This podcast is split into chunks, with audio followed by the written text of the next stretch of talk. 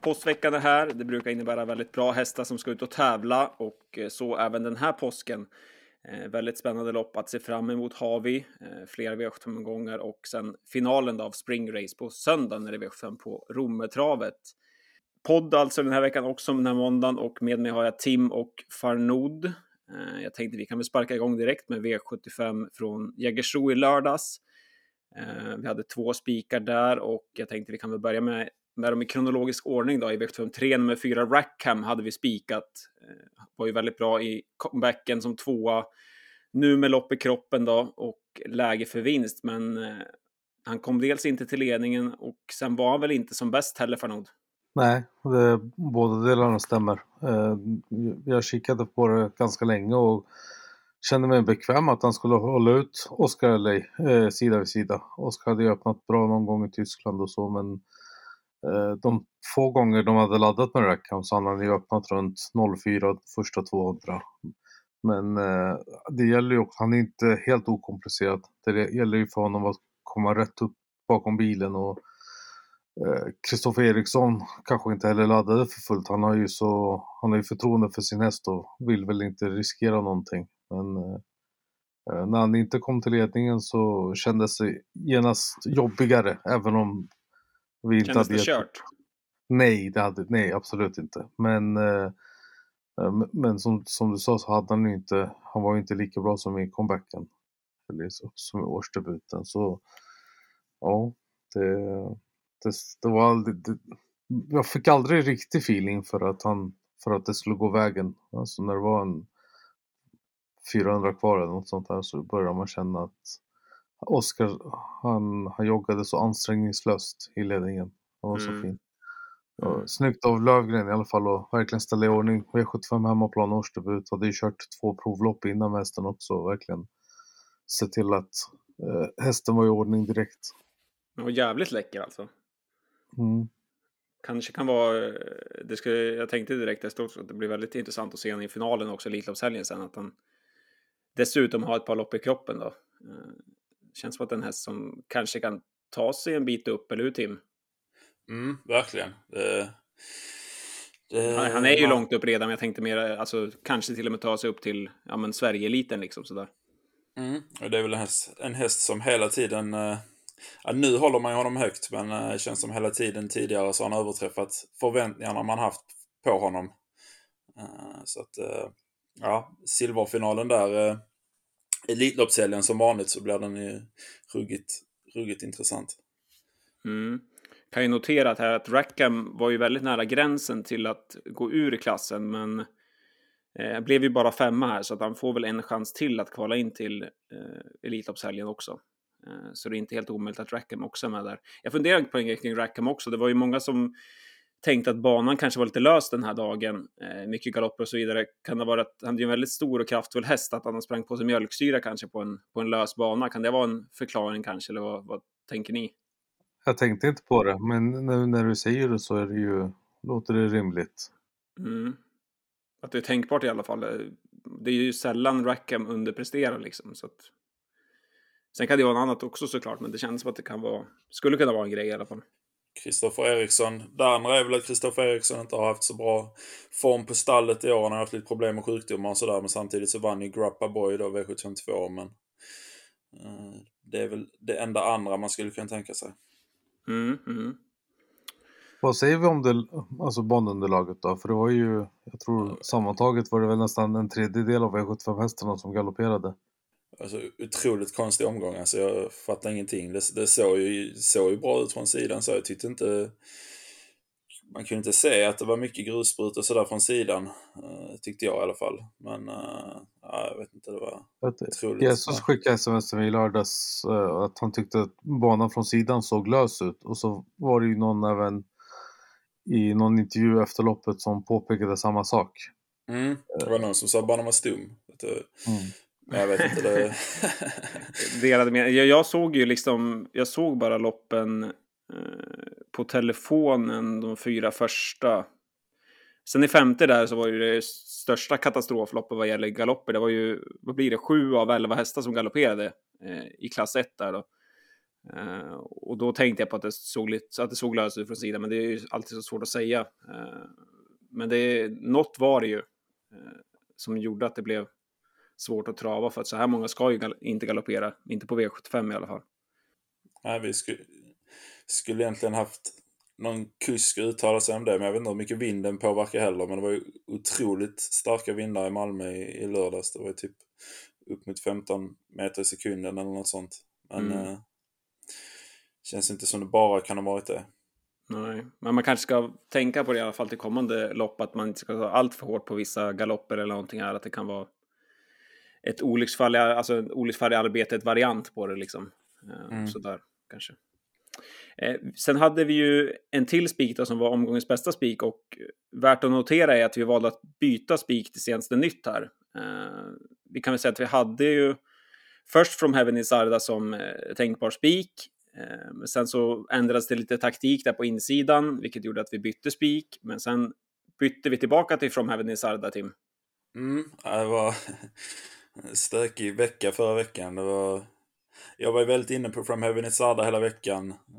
Um, Nimchik hade ju öppnat i en intervju där tidigt på veckan i, i travronden att han kunde tänka sig att släppa ledningen med Tom and Jerry Diamant. Uh, sen jagade både jag och Farnud jagade honom uh, under hela veckan, fick inte tag på honom. Och sen svarade han på fredag morgonen. Och då sa han till mig att han ville köra ledningen med Tom and Jerry Diamant. Så då då kastar vi om det och spikar Upstate Face istället för att det var så pass stor dödens risk på eh, From Heaven It's Arda.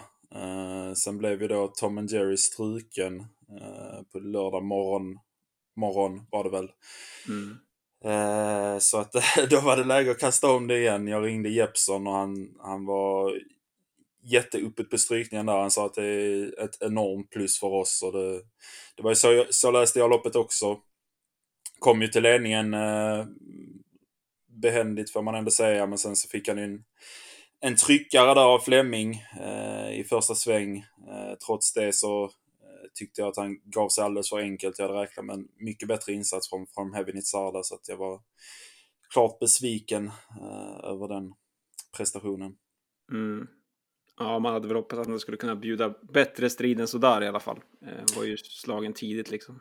Han vann ju på 11-8 på, på kort distans på Jägers näst senast. Det är svårt att jämföra tider så rakt av, men då gick han ju med tredje spö genom sista sväng och fick en tappstart också. Så att eh, ja, det var, han var inte lika bra som, som väntat. Nej. Nimczyk fick stryka en häst, men han vann med en annan i alla fall, nummer 10 Orkan von Haitabu. Vad tyckte du om intrycket där för någon? Han var riktigt fin. Eh, barfota. Eh, gjorde en del. Eh, han fick ju verkligen gå först i tredje spår sista typ 600-650 och hon var ju klart bäst bara. Mm. Intressant också när Nimczyk haft problem med sjukdomar och återkommer efter uppehåll och ändå är så pass bra direkt. Det känns som att det kan bli väldigt bra med något lopp till i kroppen, eller? Det tycker det är bra med, med de tränarna som... Det är väl inte alla som har den eh, den lyxen att vänta ut efter sjukdomar, men eh, Nimchik som...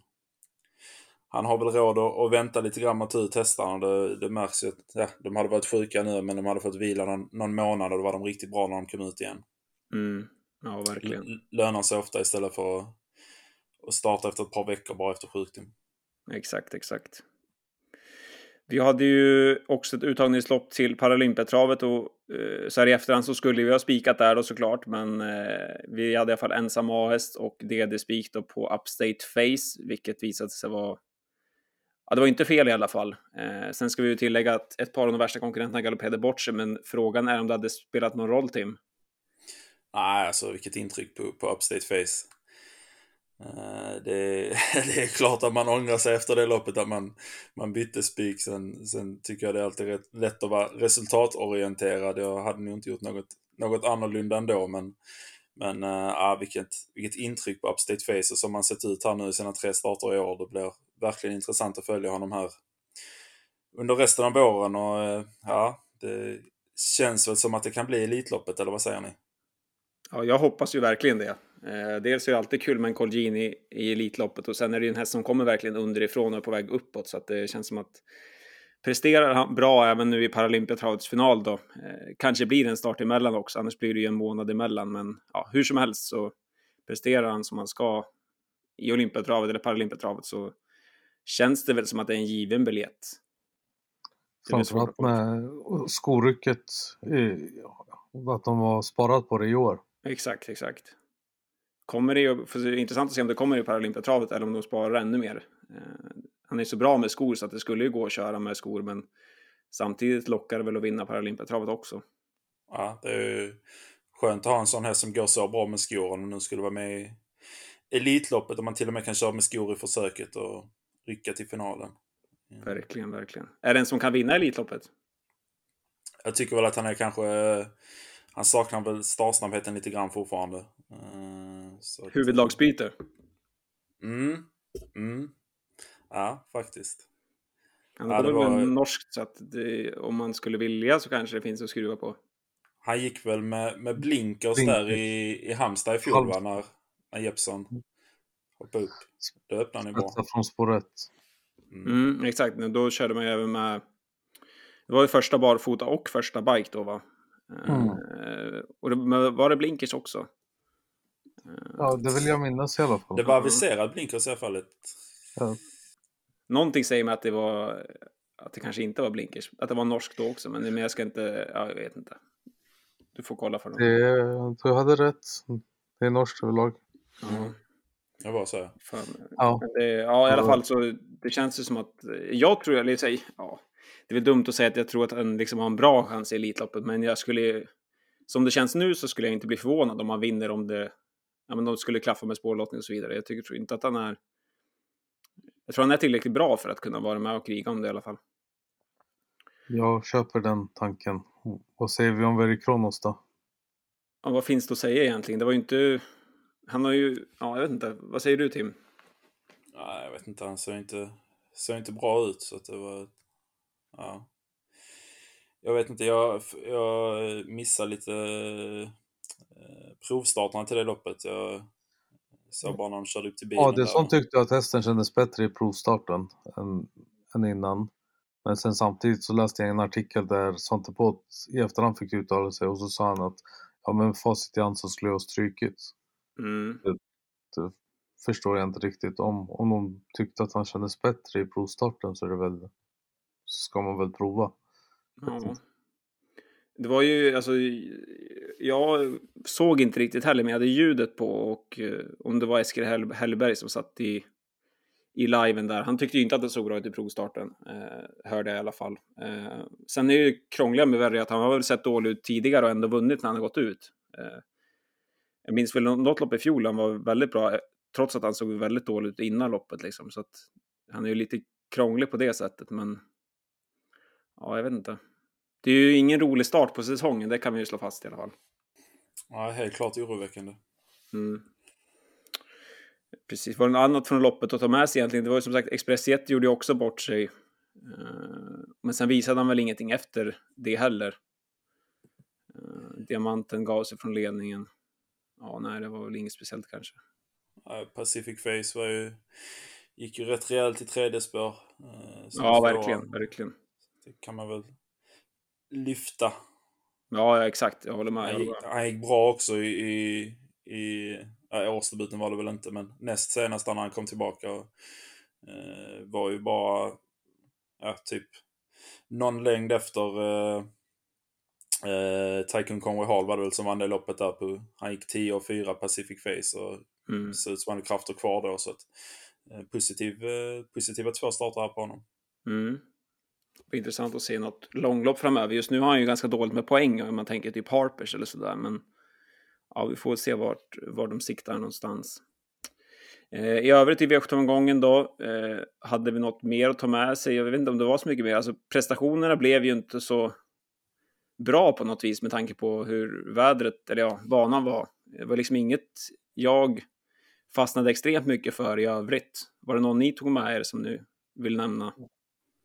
Inni Mini Minimo var ju helt överlägsen. Det var ändå en stark prestation får man Mm. säga. Ja, verkligen. Det är sant. Fick ju verkligen göra allt sista 800 och var ju bara bäst. Ja, det var väl... Den där eh, Jörgen Schunnesson-styrningen med 0% play it flax är svår att glömma. Tyckte det var ett märkligt taktikupplägg. Ah, han har vunnit ett lopp i år så innan Schunnesson på svensk mark. Det lär ju inte bättra på den statistiken med den typen av styrningar. Nej, det var en oväntad styrning, det var det. Jag, bara, jag tänkte bara säga det, i första avdelningen också är det bland de sjukare solfjädrar man sett på, på ledig beluga. ja. Även om det var en galopp emellan också. Ja. Nej, det var väl upplagt för att det kunde bli lite solfjäder sådär, men, men det var...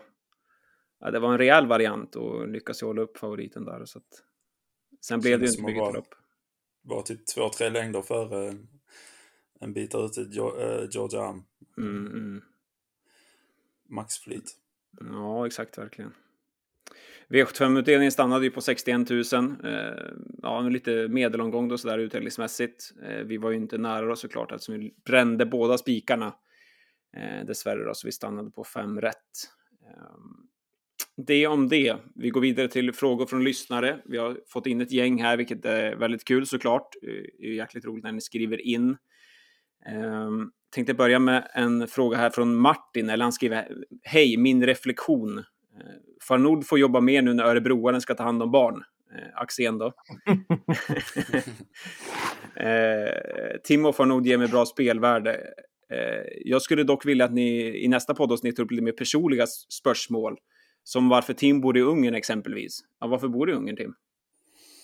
Uh, ja, men det är lång historia, men jag har bott, bott utomlands i rätt många år. Jag bodde i Hongkong innan. Och uh, känner väl för att flytta lite närmare Sverige, men uh, tycker att jag... Tog fram en, en karta så kastade du pil på... det, blev, det blev Ungern istället.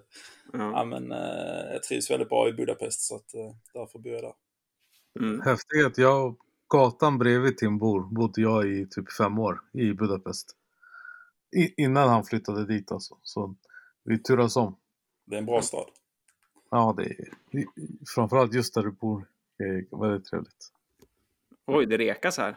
Kanske en, en, en weekend till Budapest. Mm. Uh, frågan fortsätter här då. Varför är Jesus och Axén alltid varför Jesus och Axén alltid låter så irriterade på varandra? Eh, ja du, eh, bra fråga. kärlek. Ja, men exakt. Jag har inte tänkt på att vi låter irriterade på varandra, men kanske gör det ibland. Det är väl, ska jag gissa, vår jargong mellan varandra då. Eh, att vi känner varandra så bra så att vi kan, eller ja, kan sätta en liten, vad säger man, tagg i sidan om, om, det, om det behövs. Så att det är inget, inget bråk emellan oss i alla fall, tvärtom. Och till sist har du också en fråga, Farnod, där. Varför du inte har tippat så många omgångar det senaste året. Eh, har du någon uh, förklaring till det eller är det bara att du inte har synts lika mycket som alla andra? Eh, jag har haft lite annat jobb. Vi håller på att bygga bland annat en ny hemsida. Just det. Sen har jag tagit lite ledigt också eftersom som sagt Axén är pappaledig nu, Norén är pappaledig. Så jag vet att jag kommer få jobba extremt mycket de närmaste 3-4 månaderna och över sommaren. Så jag passade på att få lite ledighet i början av våren det, där har vi förklaringen. Mm, det finns en förklaring till allt. Eh, och sen har ett tips här också på slutet att vi, han vill gärna att vi ska släppa videosarna eh, 15 till 16 på fredagen. Eh, vi som pendlar med bil kan bara lyssna och inte titta. Eh, och det, är ju, det är ju tanken att det ska Exakt. vara så, eh, de här V75-videosarna. Men de tar ju lite tid att spela och ibland blir de väl eh, lite sena.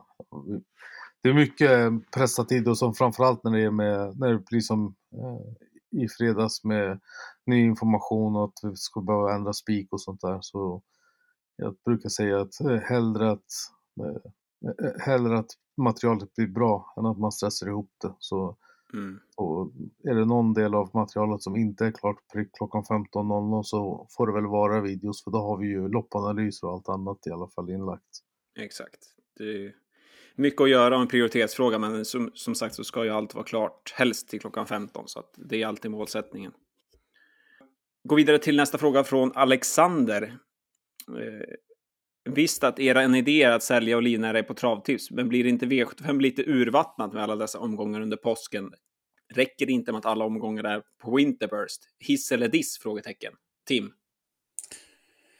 Jag vet inte riktigt. Jag, jag, jag tycker ändå det är rätt alltså, man, man vänder sig lite mot det här jackpot-jagandet eh, från ATG. Det är framförallt det att de jagar i, i flera månader till samla ihop till en omgång och sen funkar inget ändå när det ska... När det väl är multijackpot så, så kraschar deras sida. Men, men däremot så gillar jag med lite omväxling. V75 ett par dagar och eh, riktigt fina, fina lopp också. Så att, eh, just att körs V75 har jag inte så mycket emot. Jag har tidigare inte, jag har inte gillat de, här uppläggen. Alltså när, det är som fina tävlingar som det är Gävle och Färjestad den här veckan, då köper jag det.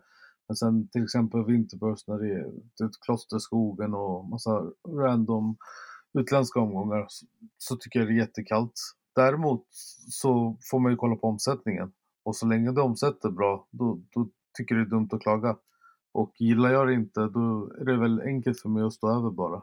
Det är inte, jag är inte, om det var V64 istället för V75 så hade jag inte spelat ändå. Så jag, jag förlorar ju ingenting på det. Eh, men som Tim säger, det jag, det jag ogillar från ATGs sida är att de inte eftersträvar att varje omgång ska vara spelintressant. Utan de vill ju konfiskera så mycket pengar som möjligt till den här stora poolen. Och resultatet av det blir dels att ja, till exempel att Månlycke var med på 75 för ett par veckor sedan där han eh, enkelt skulle kunna plockas bort och göra omgången mer intressant. Men ATG vill ha jackpot. De vill att spelavdraget ska vara eh, ännu större i en sån omgång. Vilket känns trist. Och sen har jag allt fler som inser att men det är för högt spelavdrag på, på vanliga omgångar och varför ska vi spela med 35% när vi kan vänta in en, en, annan omgång som, är mycket, som ger mycket bättre chans att få en positiv avkastning. Och, och jag har flera vänner nu som bara spelar när det är enbart jackpot och sen spelar de kanske tre gånger så stort just den söndagen. Så de, det är nästan så att de rånar vardagliga spelarna som spelar varje dag. Det, det påverkar inte mig negativt som sagt, men det känns lite trist att ATG går med på det. Att de, det är nästan så att de, de vet om att de lurar sina kunder. Mm. Intressant resonemang. Tänkte på det där med omgången på söndag. Kommer ni lämna in 12.00 eller något sånt där eller? Ja, det... Bra fråga. Det är bara, det är bara det typ... Inte, det går inte heller att, så här, det går inte att göra ett superstort system och sen lämna in och så ändras det balans på två hästar. Nej, jag vet. Vi har exakt vi diskuterat det här förut, men jag kommer att tänka på det nu när ni sa det, att det liksom är ju, mm. ja, jag vet inte. Risken finns ju, hoppas att det inte blir så. Nej, exakt. Med utdelningskrav kan man inte heller spela med om man nej, ska om, lämna in flera timmar tidigare. Mm. Nej, jag, jag kommer förmodligen lämna in runt 16 och hoppas att ATG för en gångs skull sköter sig. Men... Det finns absolut inget värre än att vänta till 16 och så kraschar sidan och så sitter man där med ett stort system som man inte har fått in. Mm. Jag, nyårsafton skulle jag käka middag med Jesus och några till senare på kvällen. Och, jag var ju typ inte mig själv. Att, att sitta en hel vecka och sitta och analysera loppen och bygga och, och sen inte få spela. Jag, jag sparade pengar den dagen men det, alltså, humöret är ju helt... Ja. ja. Det, det är i alla fall... Eh, de har bara samlat ihop, jag minns inte exakt vad det var, typ 12 eller 14 miljoner eller någonting. Så att eh, det kanske är bra att det inte ligger för mycket pengar i potten. Exakt. det är väl också det som är anledningen till att de sökte jackpotten där för ett par veckor sedan. Mm. de tyckte att ja, men nu började det bli fiasko. Så det var nästan så att de, ja, hade, det varit redan väldigt, alltså att tillräckligt många jackpot-omgångar så de kände sig nöjda så hade de kanske inte gjort så. Mm. Exakt. Eh, nästa fråga är från Patrik. Hej, äntligen måndag. Jag hoppas att det är podden du syftar på då. Eh, vad tror ni om San Motör i Elitloppet? Eh, 35 gånger just nu inom parentes. Eh, inte hört något från, från Goop om han är sugen eller inte, men han verkar vara väldigt nöjd med honom i år. Såg ju inte botten i honom i fjol, inte helt fräsch i några starter, bland annat derbyt och så vidare. Möter ju Önas Prins bland andra i veckan. Tror han vinner okörd från dödens då. Eh, vad tror eh, Farnod om Samotör? Kommer han, är det aktuellt att starta ens tror du eller? Nej, det tror jag inte. Nej, att det är jubileumspokalen som är siktet. Ja, nästa år absolut. Jag gillar Sabotör jättemycket. Ehm, men han måste först visa att han kan slå Anders Prince från dödens. Det, Det är inte Ja. många som gör det. nej, nej. Det skulle bli, jag tycker det skulle bli ännu häftigare att se Anders Prince. För fan vad jag... Han var väldigt dyr för mig i fjol när jag vägrade acceptera hur bra han är och fortsatte, fortsatte spela emot honom. Men just på just nu på Färjestad så ser det ut som att han har en väldigt bra uppgift. Tim, har du någon feeling för att Samotör ska starta Elitloppet? Eh, Jag spelar inte honom till 35 gånger. Eh, Men eh, jag hörde ju i samband med årsdebuten där på Rumme så eh, intervjuade de ju Håkan Arvidsson som äger hästen och han lät ju lite småsugen får man säga i alla fall. Han stängde inga dörrar. Så att, ja. Helt omöjligt är det nog inte, men är nog ingen som jag, inget som jag spelar oavsett om man kommer med i Elitloppet eller inte faktiskt. Har ju, blivit lite, har ju varit lite strul så att han är fortfarande ganska grön känns det som. Liksom. Han har ju så jäkla hög kapacitet men det känns ju väldigt fortfarande grön i sammanhanget liksom. Det, ja, det blir spännande. Ja, Absolut, det är en otroligt, otroligt bra häst en otroligt fin häst, men eh, till 35 gånger, jag vet inte. Jag, det är ingenting jag fastnar för i alla fall. Nej. Sen hade han en till fråga här på slutet. Där. Vad tror ni om Kashmir Rivers chanser i år? Eh, Storderbyt till, till, exempel. Eh, årsdebut på Axevalla imorgon. Eh, tänker om travet blir bättre. Eh, hon är ju en stenhård märr. Ja, det är klart. Kashmir River var ju otroligt bra i fjol. Eh, det som är oroande är att hon fick så mycket tuffa lopp. Eh, var ju lite stänkrädd och ja, men mest stark och sådär. Så att hon fick ju gå ofta i dödens. Eh, men skulle hon ha tagit det på bra vis så är hon väl akt- högaktuell för exempelvis storderbyt och även storkandidatet, eller vad säger ni? Det måste man ju tro. Hon visar ju att hon är bra på riktigt med de där döda segrarna så svårt att säga något annat. Nej, exakt. Ja, de där franskstammade hästarna också brukar ju sällan vara allt för tidiga. Så att det är väl efter Django Riff. Mm, kan stämma. Är du bra på, du är bra på stammar, Tim? Nej, inte så jättebra. Den här? ibland, ibland är det något som fastnar. Ja, exakt, exakt. Nej, men eh, Kashmir River, det blir intressant att se. Verkligen. Eh, sista frågan här då från Samuel. Hej, grymt arbete ni gör med podden och speltips. Eh, tack så mycket för det. Eh, travet behöver att det diskuteras och hålls vid liv.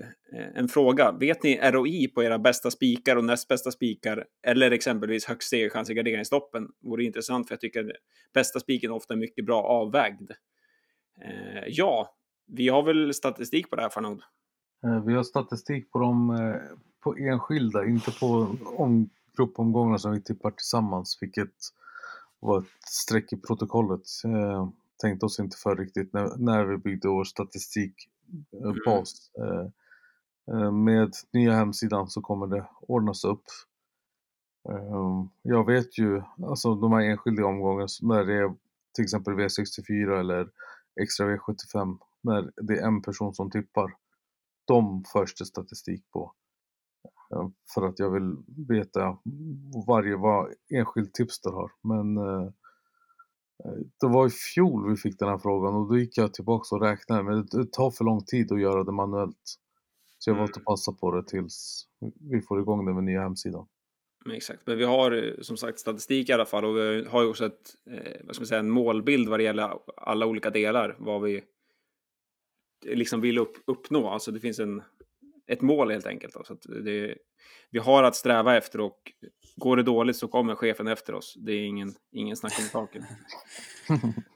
Bra, det var frågorna för den här veckan. Eh, vi var inne på Sandmotörspåret där i frågan här nyss och jag tänkte vi kan väl ta något ord till om det loppet på, på fredag då. Eh, Hertigen av Värmland, prins Carl Philips jubileumspokal. Där är extremt bra hästar med. Inte så många såklart, men, men väldigt bra hästar med. Vad tänker du när du ser startlistan Tim? Eh, jag tänker att, precis som du säger, att det är extremt bra hästar med, men lite synd att det bara blev eh, sju hästar var det va? Mm. Eh, just det här loppet. Carl Philips jubileumspokal brukar alltid vara ett riktigt bra lopp. Många femåringar som, som siktas dit tidigt på säsongen. Så att, Men oavsett om det bara blir sju hästar så ska det bli otroligt spännande att se. Det är ju inte bara Samatörer, Önas Prins, men Beppi B också som är ja, men som var, eh, visade otroligt hög höjd i, i fjol, inte minst då eh, under Elitloppshelgen. Var ju grymt bra där bakom Sister Sledge. Och sen Mm. eh, Brambling också, som jag pratade om i podden förra veckan, som jag tyckte såg otroligt bra ut i, i årsdebuten bakom eh, Samotör. Eh, så att, eh, ja, vilket jäkla lopp. Mm. Får du en feeling för någon speciell så spontant eller är det svårt?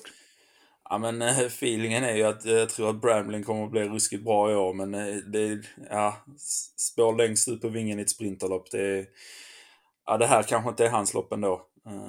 Sen har jag inte har jag inte hunnit läsa någon, någon intervju där med Per Nordström än om, jag vet inte om han har sagt något än om Önas prins men han har i alla fall på pappret har han ju uppgiften som har han ju bästa uppgiften. Han brukar ha tur i spårlottningen Per Nordström, det går inte att säga något annat om det. Eh, Farno- Farnod, vad tänker du? Ja, jag säger Annas Prins. Att, alltså, häst mot häst så håller ju Brambling och Samotörn som minst lika bra fortfarande. Eh, Men, eh, men Önas Prins här, får jag två gånger på honom så jag kanske skulle kunna spela honom till 1,80 till och med. Om det det- det är ju just med Per Nordström hästar så behöver de ju fakt- faktiskt rätt ofta lopp i kroppen. Eh, Jag tog eh, upp, jag tog upp travronden nu bara för att kolla om det finns någon intervju. Och det första jag såg, eh, vi kör för en rosa biljett direkt. Säger Stryka den teorin. Nej, men... Det var.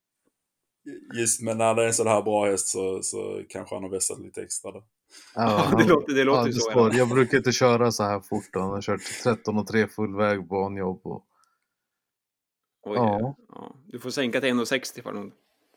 eh, jag kan Nej, säga det också bara, jag blev nyfiken där för Beppe B där det står i resultatraden står det 0 och 14-2 sist. Jag blev så nyfiken så jag kunde inte hålla mig från att gå in och kolla vad det var för vad det var för något som hände då, men han körde extremt defensivt och satt fast med allt sparat då, så att man behöver nog inte vara orolig för formen där heller, tror jag inte. Kan, kan inte ha varit något dussinlopp heller. Han stod 11,50. Nej, exakt, och, men det kan ju vara det att de sa det på förhand också, kanske att det skulle bli lite halvpreparerad körning kanske, jag vet inte. Ja, det är sant.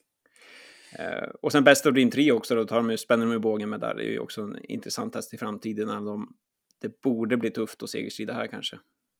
Mm. mm. Ja, ruskigt intressant lopp i alla fall. Eh, sen har vi även en uttagning till Paralympiatravet också då på söndag. Inte lika eh, rivet lopp kanske, men jag tänkte ändå vi kunde värt att nämna det. Blir väl Who's Who favorit och sen utmanarna Milligan School, Born Unicorn och Spickleback Face. Är det en, någon att lita på känner du, Who's Who, eller kan han förlora igen tror du? Jag gillar ju att gå mot Who's Who. Jag brukar göra det ofta. Och, eh, ja, vi får hoppas att eh, Ulf Eriksson sätter lite färg på loppet med Milligan School. Han brukar, brukar ju kunna göra det. Um, han har ju men, testat eh, i spets i alla fall. Ja, han lär inte släppa det. Ja, men det är svårt att se alltså. Det är väl lite sämre klass på det här loppet än, än på det som var i helgen på Jägers. Men eh, alltså Who's Who blev väl väldigt stor favorit. Och Hur första... stor favorit blir den? Blir blir det typ 60 procent eller blir det lägre? Alltså jag tycker att det borde, jag tycker att det borde bli läge, men vad vet man? Det, det är ju... finns ju krafter som styr det där. Nej, jag vet inte. Nej, men det är... Ja, Men vem är det som drar streck bakom, bakom Who's Who? Milligan School var ju kass sist och Born Unicorn imponerar inte heller i, i årsdebuten där när han galopperade och gick ju, såg ju bra ut efteråt. Man har en sjua i raden och mm. diska och nollade innan dess. Nej, det kanske är. Det kanske, kanske blir stor jättefavorit. vad- Det är möjligt. Men blir möj- jättefavorit så är min spontana tanke i alla fall att man ska gå emot. Men Mm, samma här. det, det, det är feelingen. Då, då vänder jag på det och säger att jag tror att ha- han är motiverat stor favorit. Jaså? Ja, det, Oj. det är inte ofta jag tror på Husu men när jag kollar på den här startlistan så han ska väl kunna reglera fältet från döden som det känns. Jag Milligan tittar in, School- tittar ut. Alltså han får ju Will- Milligan School mycket bättre i spets absolut men jag orkar inte med honom längre.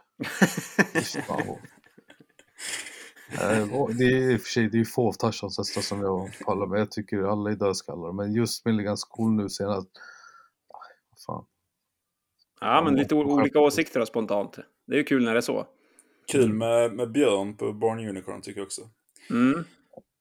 Exakt. Han körde väl i, vad var han körde? Harpers. Var Harpers. Ah, just det, just det, så var det. Mm. Då stod han, eh, vad är det, 20 meter före Husu där då.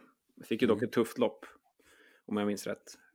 Eh, men fick ju stryk av Husu då, trots att han stod 20 efter. Ja. ja, spännande. Eh, vi avslutar som vanligt med tävlingen. Det var jag som regisserade frågan förra veckan också. det var en amatörtränad häst som hade sprungit 12 tid redan i karriärens andra start och vunnit lite på V75. Den som jag sökte då var Money to Spare. Eh, var rätt svar då helt enkelt. Och det var faktiskt en, jag tror det var typ tre, fyra stycken som svarade rätt. Och vinnare där är Bengt Tjärnström. Eh, grattis till dig. Eh, där. Sen har jag snickrat ihop en ny tävling här och eh, ja, jag blir ändå, om ni tar den på uppstuds så blir jag imponerad faktiskt. Eh, det ska jag säga. Framförallt när när det är ni två. Nej, jag skojar. eh, nej, men eh, vi får se. Jag läste upp den här då. Och det är alltså en häst som vi söker då, eh, från när som helst. Eh, och eh, man kan vinna tipsmaterialet till kommande V75-omgång. Utlandsfödd femfaldig miljonär som inledde sitt tävlande i Sverige i amatörregi. Gick sedan i proffsträning för att sedan gå till en annan proffstränare där han avslutade tävlingskarriären. Eller tävlade hela vägen ut då, så att säga. Eh, största segern i Sverige togs i gulddivisionsfinal på Solvalla, men pengamässigt tjänar han något mer vid en av sina segrar på Vincennes. Just det, amatörtränarna som hade hästen i början på svensk mark tränar inte häst längre. Han slutade träna för över tio år sedan. Oj, jag skulle behöva den i slow motion för att ta in all information. Ja, men jag, jag kände att det behövde ge ganska mycket information för att, för att det skulle, eller ja, mycket information, men att det skulle liksom Ja. Amatörtränare som gick till en, en proffstränare och sen till en annan proffstränare och tjänade över 5 miljoner. Och amatörtränaren har inte tränat häst på över 10 år. Ja, det är, det är inget jag tar. Nej, och för nog det är extremt tyst. Ja, jag, nej, jag, jag har ingen aning. gav upp innan du började. Ja, jag tror också det. Eh, ni som lyssnar i alla fall, tror ni har rätt svar så skicka in till tavling.spelvaror.se så kan ni som sagt vinna V75-materialet till kommande vecka. Stort tack till och Farnod och tack för att ni har lyssnat. Eh, vi hörs och ses igen på fredag när vi går igenom ett lopp till V75 på Romme. Eh, jag önskar en trevlig eh, påskvecka. Hej då!